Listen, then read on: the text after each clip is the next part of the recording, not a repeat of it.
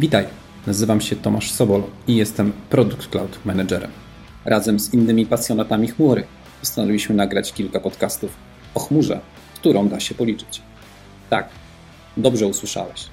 Będziemy rozmawiać o pieniądzach, kosztach, benefitach, programach, prawnych ograniczeniach, nieświadomych ryzykach i nie tylko. Moimi gośćmi będą ludzie, którzy z chmurą pozostają w stałym kontakcie i nie boją się mówić o jej jasnych i ciemnych stronach. Zapraszam do wysłuchania podcastu. Witam Państwa na kolejnym e, nagraniu. Nazywam się Tomasz Sobol. Mam przyjemność prowadzić podcasty Count the Cloud. Dzisiaj ze mną w studiu Mariusz Dalewski, CEO firmy MDDV. Dzień Witaj, dobry. Mariuszu. Dzień dobry, cześć. E, jest również z nami e, Krystian Palica, partner program manager OVH Cloud.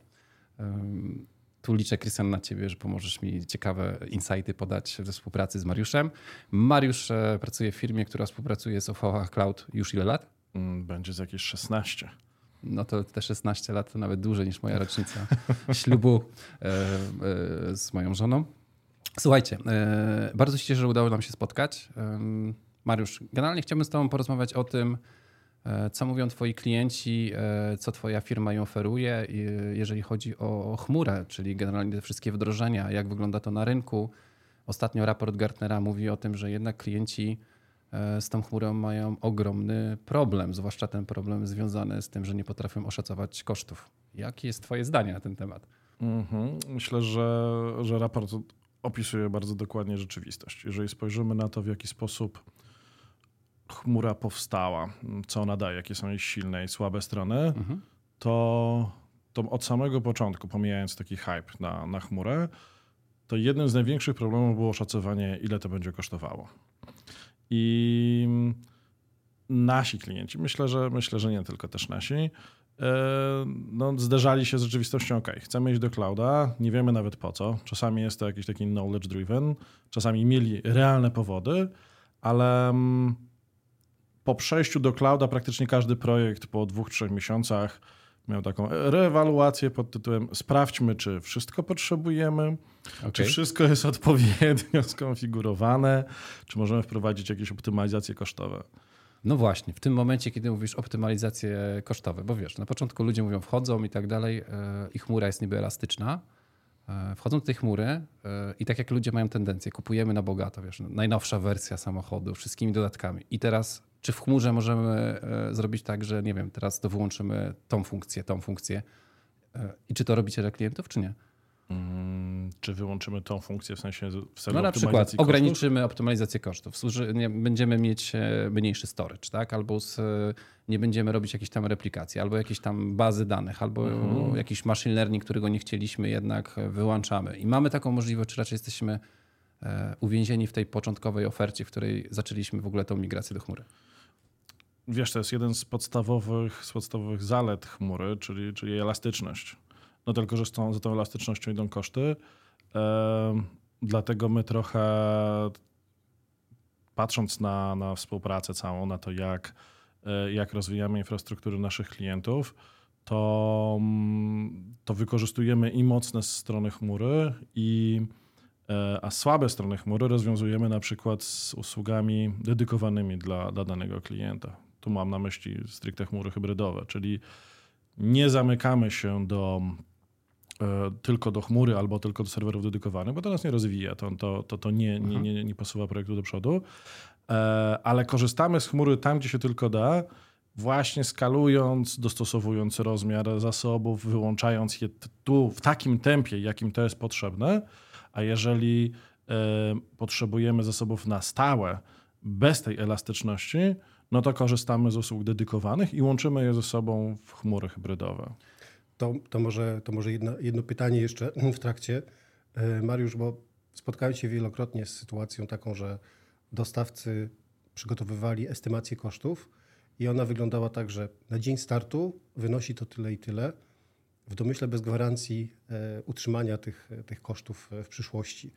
I wiem, że niektórzy dostawcy oferują e, dają taką możliwość, żeby ten koszt był stały. Są też tacy dostawcy, którzy ten koszt oferują e, zmienny. I pytanie, jak sobie radzicie z tym, bo rozumiem, e, widzę wartość w tym, żeby obiecać klientowi na start e, pewien poziom kosztów, e, ale to jest dopiero start. Ale co dalej? Mm, To się bardzo dużo opiera na, na zaufaniu i, i takiej jakości współpracy. Nie ma tutaj złotej odpowiedzi, że to będzie kosztowało tyle i za miesiąc to będzie kosztowało tyle. W jeżeli klient dostarczy wszystkie możliwe informacje na temat środowiska, które uruchamia, no to oczywiście da się to wyliczyć, ale nie znam takiego, który by powiedział, ile dostanie pakietów danego typu, ile będą zajmowały, w jakim oknie czasowym one będą dostarczone i, i nie wiem, ile megabajtów będzie pobierał i tak dalej. To to jest niemożliwe. Dlatego z jednej strony wyliczenie kosztów chmury jest proste, pod warunkiem, że mamy wszystkie te rzeczy, których nie jesteśmy w stanie dostarczyć. I dotykamy teraz bardzo ciekawego wątku. Powiedziałeś, wyliczenie chmury jest proste. Czyli macie w MDTV jakąś swoją fajną metodologię, którą oferujecie klientom i według tej metodologii działacie? W ogóle jak to wygląda? Jak z klientem rozmawiacie o tym wyliczeniu? Um, ja wyznaję zasadę, że jeżeli idziemy do chmury, to idziemy do chmury tak na 100%. W sensie odtwarzanie środowiska on-premowego w chmurze bez redesignu jest, jest bez sensu, bo wygeneruje bardzo duże koszty, Okay? albo nie da nam tego, co daje chmura. Okej, z- zapłacimy za to tam jakąś kwotę, powiedzmy, że akceptowalną, ale nie uzyskamy tego, co daje nam środowisko chmurowe. Mhm. My w pierwszej kolejności rozpoczynamy od analizy e, potrzeb, to, to może zabrzmi tak trywialnie, ale zawsze od potrzeb biznesowych, czyli czego biznes oczekuje od infrastruktury, jakie ma KPI, jakie ma wymagania, jakie ma podpisane kontrakty ze swoimi partnerami, klientami, Mhm. co on musi tą infrastrukturą dowieść. E, bardzo mocno koncentrujemy się na high availability. Tak kilkanaście lat to, to, to był nasz taki, nasza taka mocna strona I, i w chmurze jest to bardzo ułatwione, bo niektóre elementy tego systemu przejmuje dostawca chmury. Mhm. My możemy skoncentrować się wtedy na czym innym. E, No i rozpoczynamy od, po analizie potrzeb określamy, które z potrzeb klienta możemy zrealizować usługami chmurowymi, takimi dedykowanymi, które musimy zrekonstruować, bo, bo ich w danej chmurze na przykład nie ma, albo klient ma jakieś swoje oprogramowanie, E, a potem e, zastanawiamy się, które zasoby potrzebujemy rzeczywiście w chmurze, a które, może, które możemy mieć na serwerach dedykowanych blisko tego środowiska chmurowego. Okej. Ale powiedziałeś też w naszej rozmowie taką ciekawą rzecz, że y, macie to doświadczenie, idziecie do chmury na 100%, ale też powiedziałeś o podejściu takim hybrydowym, multicloudowym. Y, To ułatwia takie mul- multicloudowe podejście ze względu na to, że y, nie wszyscy dostawcy chmury albo nie wszystkie rozwiązania w chmurze y, pozwolą dowieść ten model biznesowy, który chcecie oferować klientowi? Czy jest to wam potrzebne? Jest to taki wytrych, czy na zasadzie jest to taki już standard rynkowy, multi podejście, multicloudowe? Mm, Myślę, że, że standard rynkowy będzie ewoluował w stronę takiego multi-clouda. Tylko tu mamy dwie rzeczy. Jedno to jest multi-cloud, taki multi-vendor e, i to trochę zależy od, od dojrzałości danej organizacji, no bo Okej. wchodzenie w relacje z tylko z jednym vendorów, bez względu na to, jak cudownym, zawsze kończy się źle. I, I trzeba mieć systemy zapasowe, trzeba mieć jakieś, jakieś BCP, DR i tym podobne, na wszelki wypadek gdzie indziej. Ale e, tu bardziej chodzi mi o to, że my e, myśląc o hybrydzie, nie łączymy ze sobą, moglibyśmy, ale nie, nie Mhm. łączymy ze sobą dwóch różnych dostawców, e, tylko wybieramy dostawcę, który ma w swojej gamie i rozwiązania cloudowe rozwinięte i serwery dedykowane, które są blisko tej, bo, bo robienie tego przez internet, pomiędzy dostawcami, e, no nie da takich rezultatów. To, to, to zawsze będzie gorsze ze względu na fizyczną odległość serwerowni od siebie. I tu rozumiem, pojawia się OVH Cloud, która ma szerokie portfolio. E, Macie dowolność ileś klocków i budujecie pod to rozwiązania. Tak? Tak to, tak, ta, tak jest. No my jesteśmy bardzo mocno wychowani na dedykach. Ciężko było nam mentalnie kiedyś od nich odejść. E, obserwowaliśmy, jak OVH Cloud się rozwija Em, i na usługi patrzymy tak z dosyć dużym dystansem, jeżeli chodzi o, o, o mm, zaufanie do nich wszędzie, Mhm. ale w momencie, kiedy je przetestujemy porządnie, tak żebyśmy mogli ręczyć przed naszymi klientami co do ich jakości, e, no to wtedy ufamy całkowicie i, i bardzo mocno ich, z nich korzystamy. Mhm. Czy klienci doceniają to, że nie, nie dajecie takiej paczki, tylko macie taki bardzo szeroki wachlarz rozwiązań e, i przede wszystkim wasze doświadczenie? Bo MDDV z tego, co czytam o waszej ofercie i z tego, co już jak gdyby się zapoznałem, to jest takie trochę wyjście poza boks, nie? I generalnie budujecie rozwiązane, mocno dedykowane pod, pod klienta w oparciu o wasze doświadczenie. Tak. Um, bardzo dużo czerpiemy z naszego doświadczenia. E, oczywiście klienci są różni. W zależności od ich rozmiaru mamy szereg różnych rozwiązań, tak, żeby, żeby dopasować się budżetem, ale jeżeli budżet nas nie ogranicza tak na dzień dobry, no to rzeczywiście jesteśmy w stanie bardzo dużo ciekawych rozwiązań, rozwiązań dowieść, bo e, to, to doświadczenie w tej wysokiej wydajności z różnymi serwisami, które, które naprawdę muszą być wysoko, wysoko dostępne, e, pozwala nam patrzeć na chmurę też, też w taki sposób, e, żeby robić to bezpiecznie. No bo, bo chmura to w rzeczywistości są, są, są takie same serwery, tylko zarządzane przez kogoś i i takie stuprocentowe zaufanie, to, to też się kończy źle. W sensie to, to jest normalne, że sprzęt się psuje, normalne, że coś tam się może wydarzyć i bez względu na to, jak taką infrastrukturę planujemy, musimy być świadomi tego, że ta, nazwijmy, mityczna chmura, ona, ona też się psuje jak, jak każdy inny mhm. komputer i trzeba być na to przygotowanym. I tutaj, tutaj dużo czerpiemy z naszego takiego doświadczenia wieloletniego,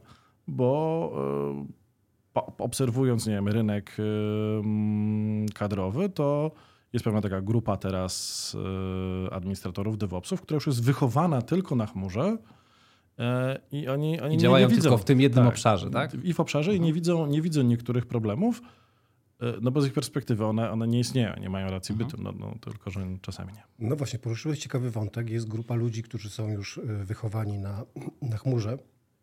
A jak to jest z klientami? Bo ja pamiętam jeszcze rozmowy 5-10 lat temu na temat chmury.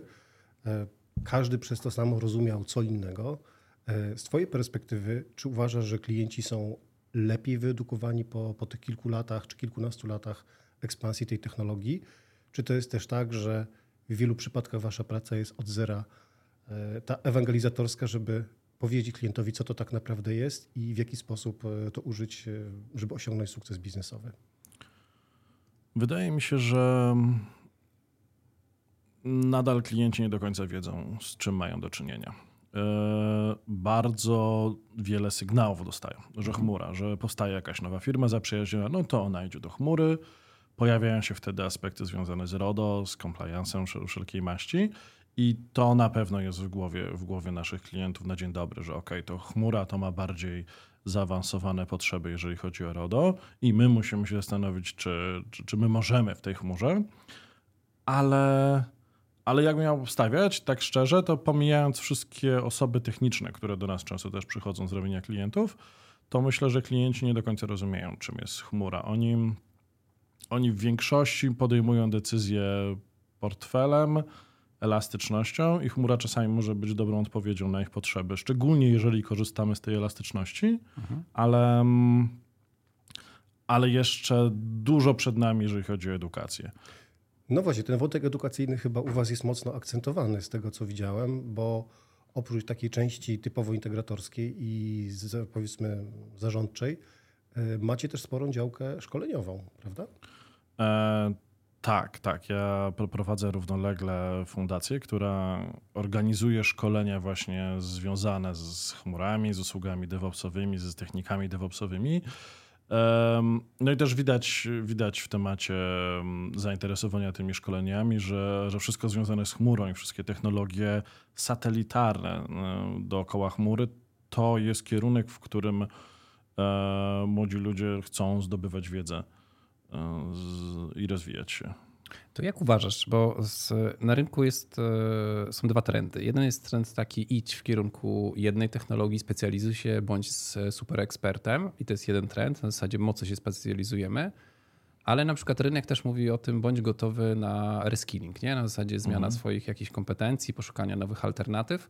Jak Twoim zdaniem, jak, jak, jak ten rynek będzie wyglądał? Nadal będziemy szli, znaczy, czy będziemy szli przede wszystkim w takim eksperckości, czy raczej będziemy szli wobec takich ludzi i firm IT, które potrafią łączyć te różne światy? Czyli e, nie zamykamy się w jednej technologii, bo zaraz dotkniemy tematu vendor lockingu. Nie? I, e, I jedna technologia może okazywać się takim długiem technologicznym jakiejś firmy. Więc powiedz, jak uważasz na rynku, jak to wygląda? Czy mm -hmm. eksperci od IT powinni być mocno ustrukturyzowani, czy raczej takie umiejętność łączenia różnych światów jest e, przyszłością? A mnie moja nauczelnia, wśród wielu rzeczy, które mnie nauczyła, zostawiła taką myśl, że trzeba przejść bardzo, bardzo do przodu, jeżeli chodzi o nowe technologie. Nie można zostawać w miejscu. I, I, to jest oczywiste, że jak stoimy, to tak naprawdę się cofamy względem, względem całego mhm. świata, ale jeżeli chodzi o technologię, to powinniśmy bardzo szybko je adaptować. Powinniśmy wychodzić ze swojej strefy komfortu, żeby, żeby nie zostać zaskoczonym za, za rok czy dwa. Tak jak mówimy tutaj o, e, o takim technologicznym wyłączeniu osób, osób starszych, mhm. które, które nie potrafią obsługiwać technologii teraz. No bo na przykład cały czas trzymały się telefonów, które tam były dawniej. Teraz wydaje mi się, że dokładnie tak samo jest z wiedzą, którą musimy zdobywać. Oczywiście specjalizacja e, wąska w danej tematyce, ona zawsze znajdzie, znajdzie swoje na rynku miejsce, no bo, bo potrzebujemy specjalistów, ale żyjemy w czasach, w których technologia e, wczoraj jeszcze nie istniała. Dzisiaj nagle się okazuje, że jest jedną z najpopularniejszych, mhm. a za tydzień zastąpi ją coś innego albo produkt zostanie wykupiony. I teraz, jeżeli nie będziemy obserwować rynku i bardzo szybko przyswajać nowych technologii, to to, to znowu, ten autobus jedzie, my, my stoimy w miejscu. I patrząc na, na zakres wiedzy, którym musimy dysponować, to ja jednak przynajmniej do jakiegoś poziomu jestem za podejściem bardzo szerokim.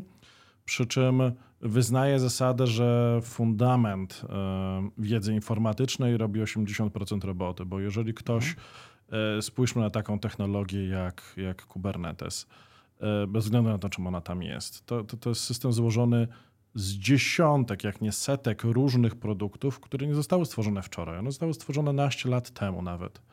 No i teraz każdy, kto ma jakąkolwiek wiedzę z dziedziny informatyki, mhm. zdobytą przez ostatnie 15 lat, na pewno znajdzie fragment w Kubernetesie. No i teraz, teraz mamy Kubernetesa, za 3 lata może to będzie coś innego i bez tego fundamentu my, my nie pójdziemy dalej. Dlatego horyzontalnie, szeroko, specjalizacji na jakimś etapie tak, ale to trzeba się zastanowić, w jaką technologię.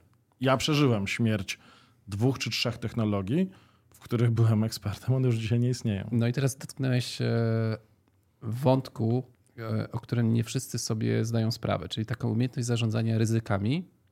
Ale jak zarządzać ryzykami, to generalnie trzeba mieć opcjonalność. E, I jak to jest na Twoim rynku? Co Ty obserwujesz, że klienci idą, nie wiem, 100% jedna technologia, idziemy w tym kierunku, bo jest taki hype. Wiesz, na przykład dzisiaj wszyscy mówimy, musimy być ekspertami chat GPT, sztuczna inteligencja i wszyscy, wiesz, tam biegną i teraz się wyprzedzamy, bo y, kto nie dotknął czatu GPT, kto nie ma machine learningu, to nagle się okazuje, że za chwilę jego biznes nie będzie konkurencyjny. A sam powiedziałeś, że tak naprawdę i my wiemy, że fundamenty robią robotę, bo na koniec dnia pod czatem GPT są maszyny, są, jest moc obliczeniowa, E, no jest przede wszystkim łączność, e, jest security, jest compliance, no jest dużo, dużo tematów. No i, i jak twoim zdaniem ten rynek będzie wyglądał? Że dzisiaj mamy taką bańkę, wszyscy tam idziemy i za chwilę to usiądzie, czy raczej yy, będziemy iść w tym kierunku, że będziemy wszyscy wykorzystać machine learning? Myślę, że, że, że świat w tej technologicznym aspekcie często zatacza koło i, i to koło się tylko inaczej nazywa. Tak jak, okay. tak jak nasza firma e, kilkanaście lat temu to byłby outsourcing IT, a teraz są to usługi DevOps. Technicznie jest to to samo, tylko z większą dozą uprzejmości, czułości i, mhm. i wypełniania szarej strefy. I myślę, że tak samo jest w technologii. E, mamy dużo hype'u, dużo mody na różne technologie. E, myślę, że trzeba je adaptować, żeby być świadomym ich istnienia. Mhm i, być w pogotowiu w momencie, kiedy ta technologia okaże się, że jednak, jednak się rozwinęła na mhm. Że warto się nią zainteresować mocniej. Oczywiście takie implementacje wspomnianego chat, chat GPT, one, one są fajne, no bo pokazują, że firmy się macają z tym tak dalej, ale to teraz ma, ma taki aspekt bardziej marketingowy niż, niż okay. wartościowy. W sensie wszystkie E, boty, czaty, tym podobne, no, no my ich nie za bardzo lubimy i, i teraz nagle wchodząc na jakąś stronę, nie będziemy pewnie czerpać z tego wybitnej przyjemności, że ten czat jest obsługiwany przez, przez czat GPT, a nie przez prostego bota, który potrafi odpowiadać na mhm. pytania. Czy nie jest to człowiek? Nie jest to człowiek. No ale, ale myślę, że, że koniecznie trzeba patrzeć na te technologie, patrzeć jak one się rozwijają, próbować dewelopować coś w ramach tych technologii no żeby za trzy lata nie obudzić się z trzyletnim bagażem wspomnień, że o, mogłem zacząć trzy lata temu, byłoby to wartościowe, ale, ale czekać. Mariusz, to takie pytanie, bo wspominasz o różnych technologiach. Różni technologi różna technologia to też różni dostawcy. Wiem, że współpracujecie z kilkoma również globalnymi e, dostawcami. I powiedz mi, z Twojego punktu widzenia, na ile istotna jest współpraca partnerska z, właśnie z tymi dostawcami, z którymi działacie? I co byłoby dla Ciebie, czy co jest dla Ciebie kluczowe w kontekście współpracy z takim partnerem, co pozwoli Ci zbudować dobrą relację i efektywniej, jeszcze bardziej efektywnie korzystać e, z usług w kontekście współpracy z takimi firmami?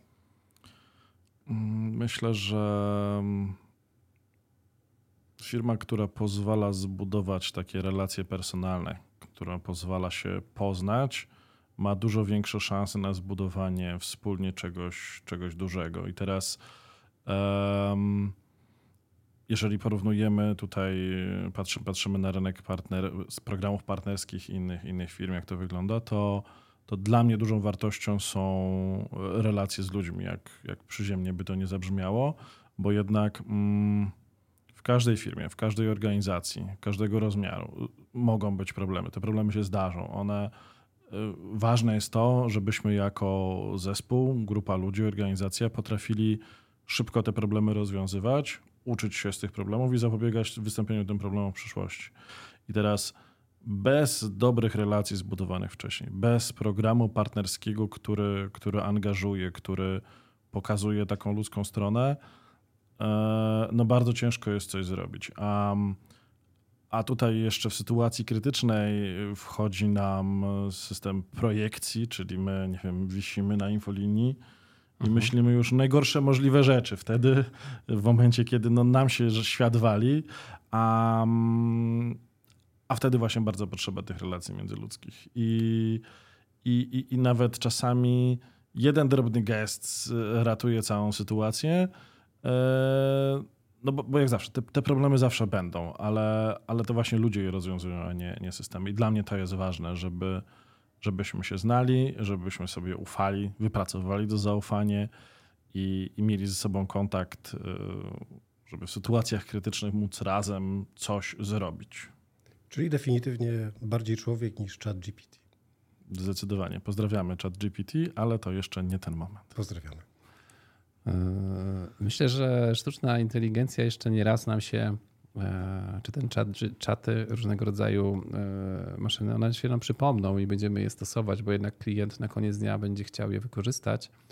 Ale mnie interesuje co innego. MDDV działa na rynku już sporo lat i tak jakbyś miał dzisiaj powiedzieć, Mariusz, za kilka lat mm, twoim zdaniem co będzie takim trendem rynkowym, który warto zwrócić na niego uwagę? E, albo inaczej, w jakim kierunku, bo powiedziałeś o edukacji, w jakim kierunku warto edukować klientów.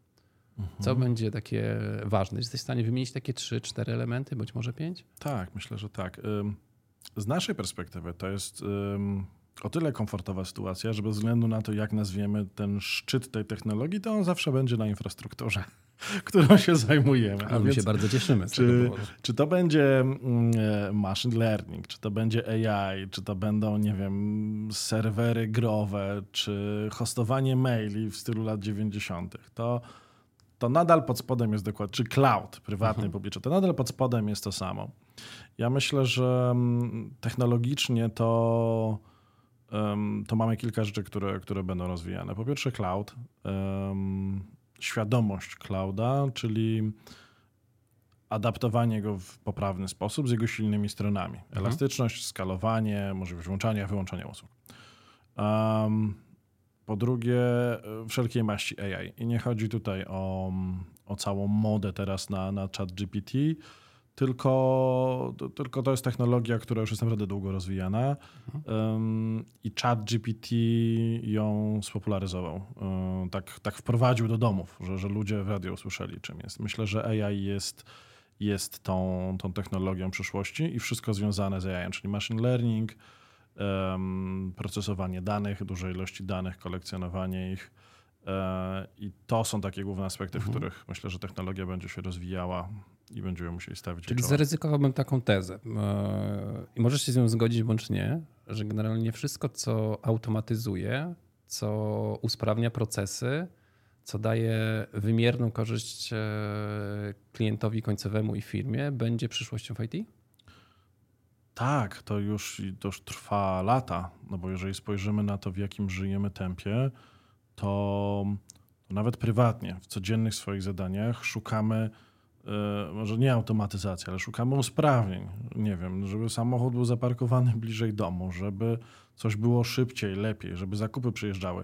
To też jest taka automatyzacja naszego życia codziennego, a w IT jest z nią dużo prościej, bo tempo rozwoju, tempo potrzeby y, dostarczania rozwiązań, potrzeby wytwarzania integracji i tak dalej, e, czas dewelopowania, czas wdrażania nowych produktów, to, to wszystko się kurczy. My, my z doby wyciągamy, nie wiem, 100-200% teraz, tak, tak sobie myślimy z perspektywy nie wiem, ostatnich 10 lat, i dokładnie to samo będzie szło do przodu. I tu AI rzeczywiście może zacząć realnie nam pomagać rozwiązywać problemy codzienności. No nie wiem, referować maile czy, czy spotkania. I na pewno będziemy bardzo dużo korzystać w celach automatyzacji, bo to jest coś, co cały czas robimy. Mhm. To powiedz mi, e, jeżeli możesz, rzeczywiście, e, idziesz do klienta i, i e, ten klient już jest na to gotowy? Czy raczej e, tak sobie, wiesz, delikatnie lubi testować? Na zasadzie, Mariusz, nie wiem, e, chcę to spróbować, pomożesz mi, e, ale mam w to wejść w 100%? Czy raczej taka metodologia małych kroczków? Um, jeżeli mamy już opracowane zaufanie z klientem, to myślę, że jest na to gotowy i jesteśmy w stanie go przekonać, bo, bo za tym stoją argumenty. Automatyzacja przynosi korzyści, zmniejsza ilość błędów, przyspiesza wdrożenia, pozwala migrować środowiska, wdrażać je w różnych miejscach, odtwarzać na wypadek jakiejś awarii. A więc mhm. ta ilość argumentów jest naprawdę bardzo duża i nie spotkałem się z kimś, kto powiedział, że nie, mnie to nie interesuje, to, to, to nie jest ciekawe, zróbmy to inaczej. Nie, to jest kwestia bardziej świadomego wykorzystania technologii, którą mamy dzisiaj. E, I klienci nawet nie wiedząc o tym, e, to ich przekonuje, bo to nie są argumenty techniczne, to są argumenty biznesowe tłumaczące, że jeżeli będziesz miał awarię, to odtworzenie twojego całego środowiska, bez jak będzie skomplikowane, zakładając, że jest infrastruktura, a tutaj wchodzi cloud, zajmie, nie wiem, 12 godzin albo dwie godziny, a nie tak jak 20 lat temu ktoś będzie dwa tygodnie pracował nad, nad migracją wszystkiego. No to tutaj automatyzacja, tak zwany ruch infrastructure as a code bardzo, bardzo przyspieszają to wszystko. Mariusz, dziękuję za dzisiejsze spotkanie, za ciekawą rozmowę. Myślę, że nieraz jeszcze się spotkamy, bo tematów, które poruszyliśmy jest bardzo dużo. E, bo możemy mówić o AI, mówimy o fundamentach informatyki. E, mamy też takie ciekawe trendy rynkowe, które pokazują, że wiesz, wszyscy idą do tego clouda, ale też jest taki trend, który mówi, ale trochę robimy krok do tyłu, wracamy do tej tradycyjnej infrastruktury, e, bo ona, czy to przede wszystkim jest w stanie e, przenieść pewnego rodzaju obciążenia, czy wręcz e, pewne, pewne aplikacje tylko i wyłącznie działają na, na fizycznych maszynach. E, ja dziękuję Ci za to spotkanie, ale chciałbym Cię jeszcze na koniec zapytać o taką, tak, takie trochę wróżenie na przyszłość.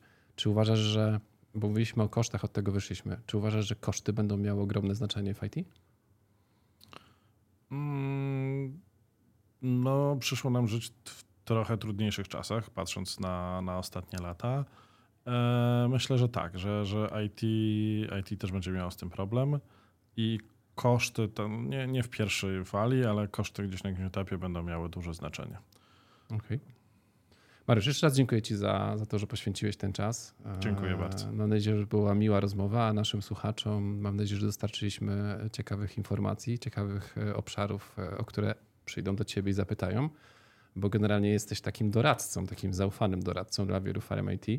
E, I można powiedzieć, e, że to ty możesz powiedzieć, dzisiaj idziemy w tym kierunku, dlatego że to pozwoli nam na przykład w przyszłości nie stanąć w, nie wiem, ślepym zaułku, tylko to pozwoli nam zrobić krok do przodu i do tyłu. Tak, myślę, że, że zdarza mi się być ekspertem w w temacie architektury różnych środowisk i budowania ich, a więc tak, to jest coś, z czym mam do czynienia na co dzień. No właśnie, Mariusz, tą wiedzę, no już na koniec jeszcze jedno zdanie, tą wiedzę ekspercką wykorzystujesz też e, w budowaniu społeczności, prawda?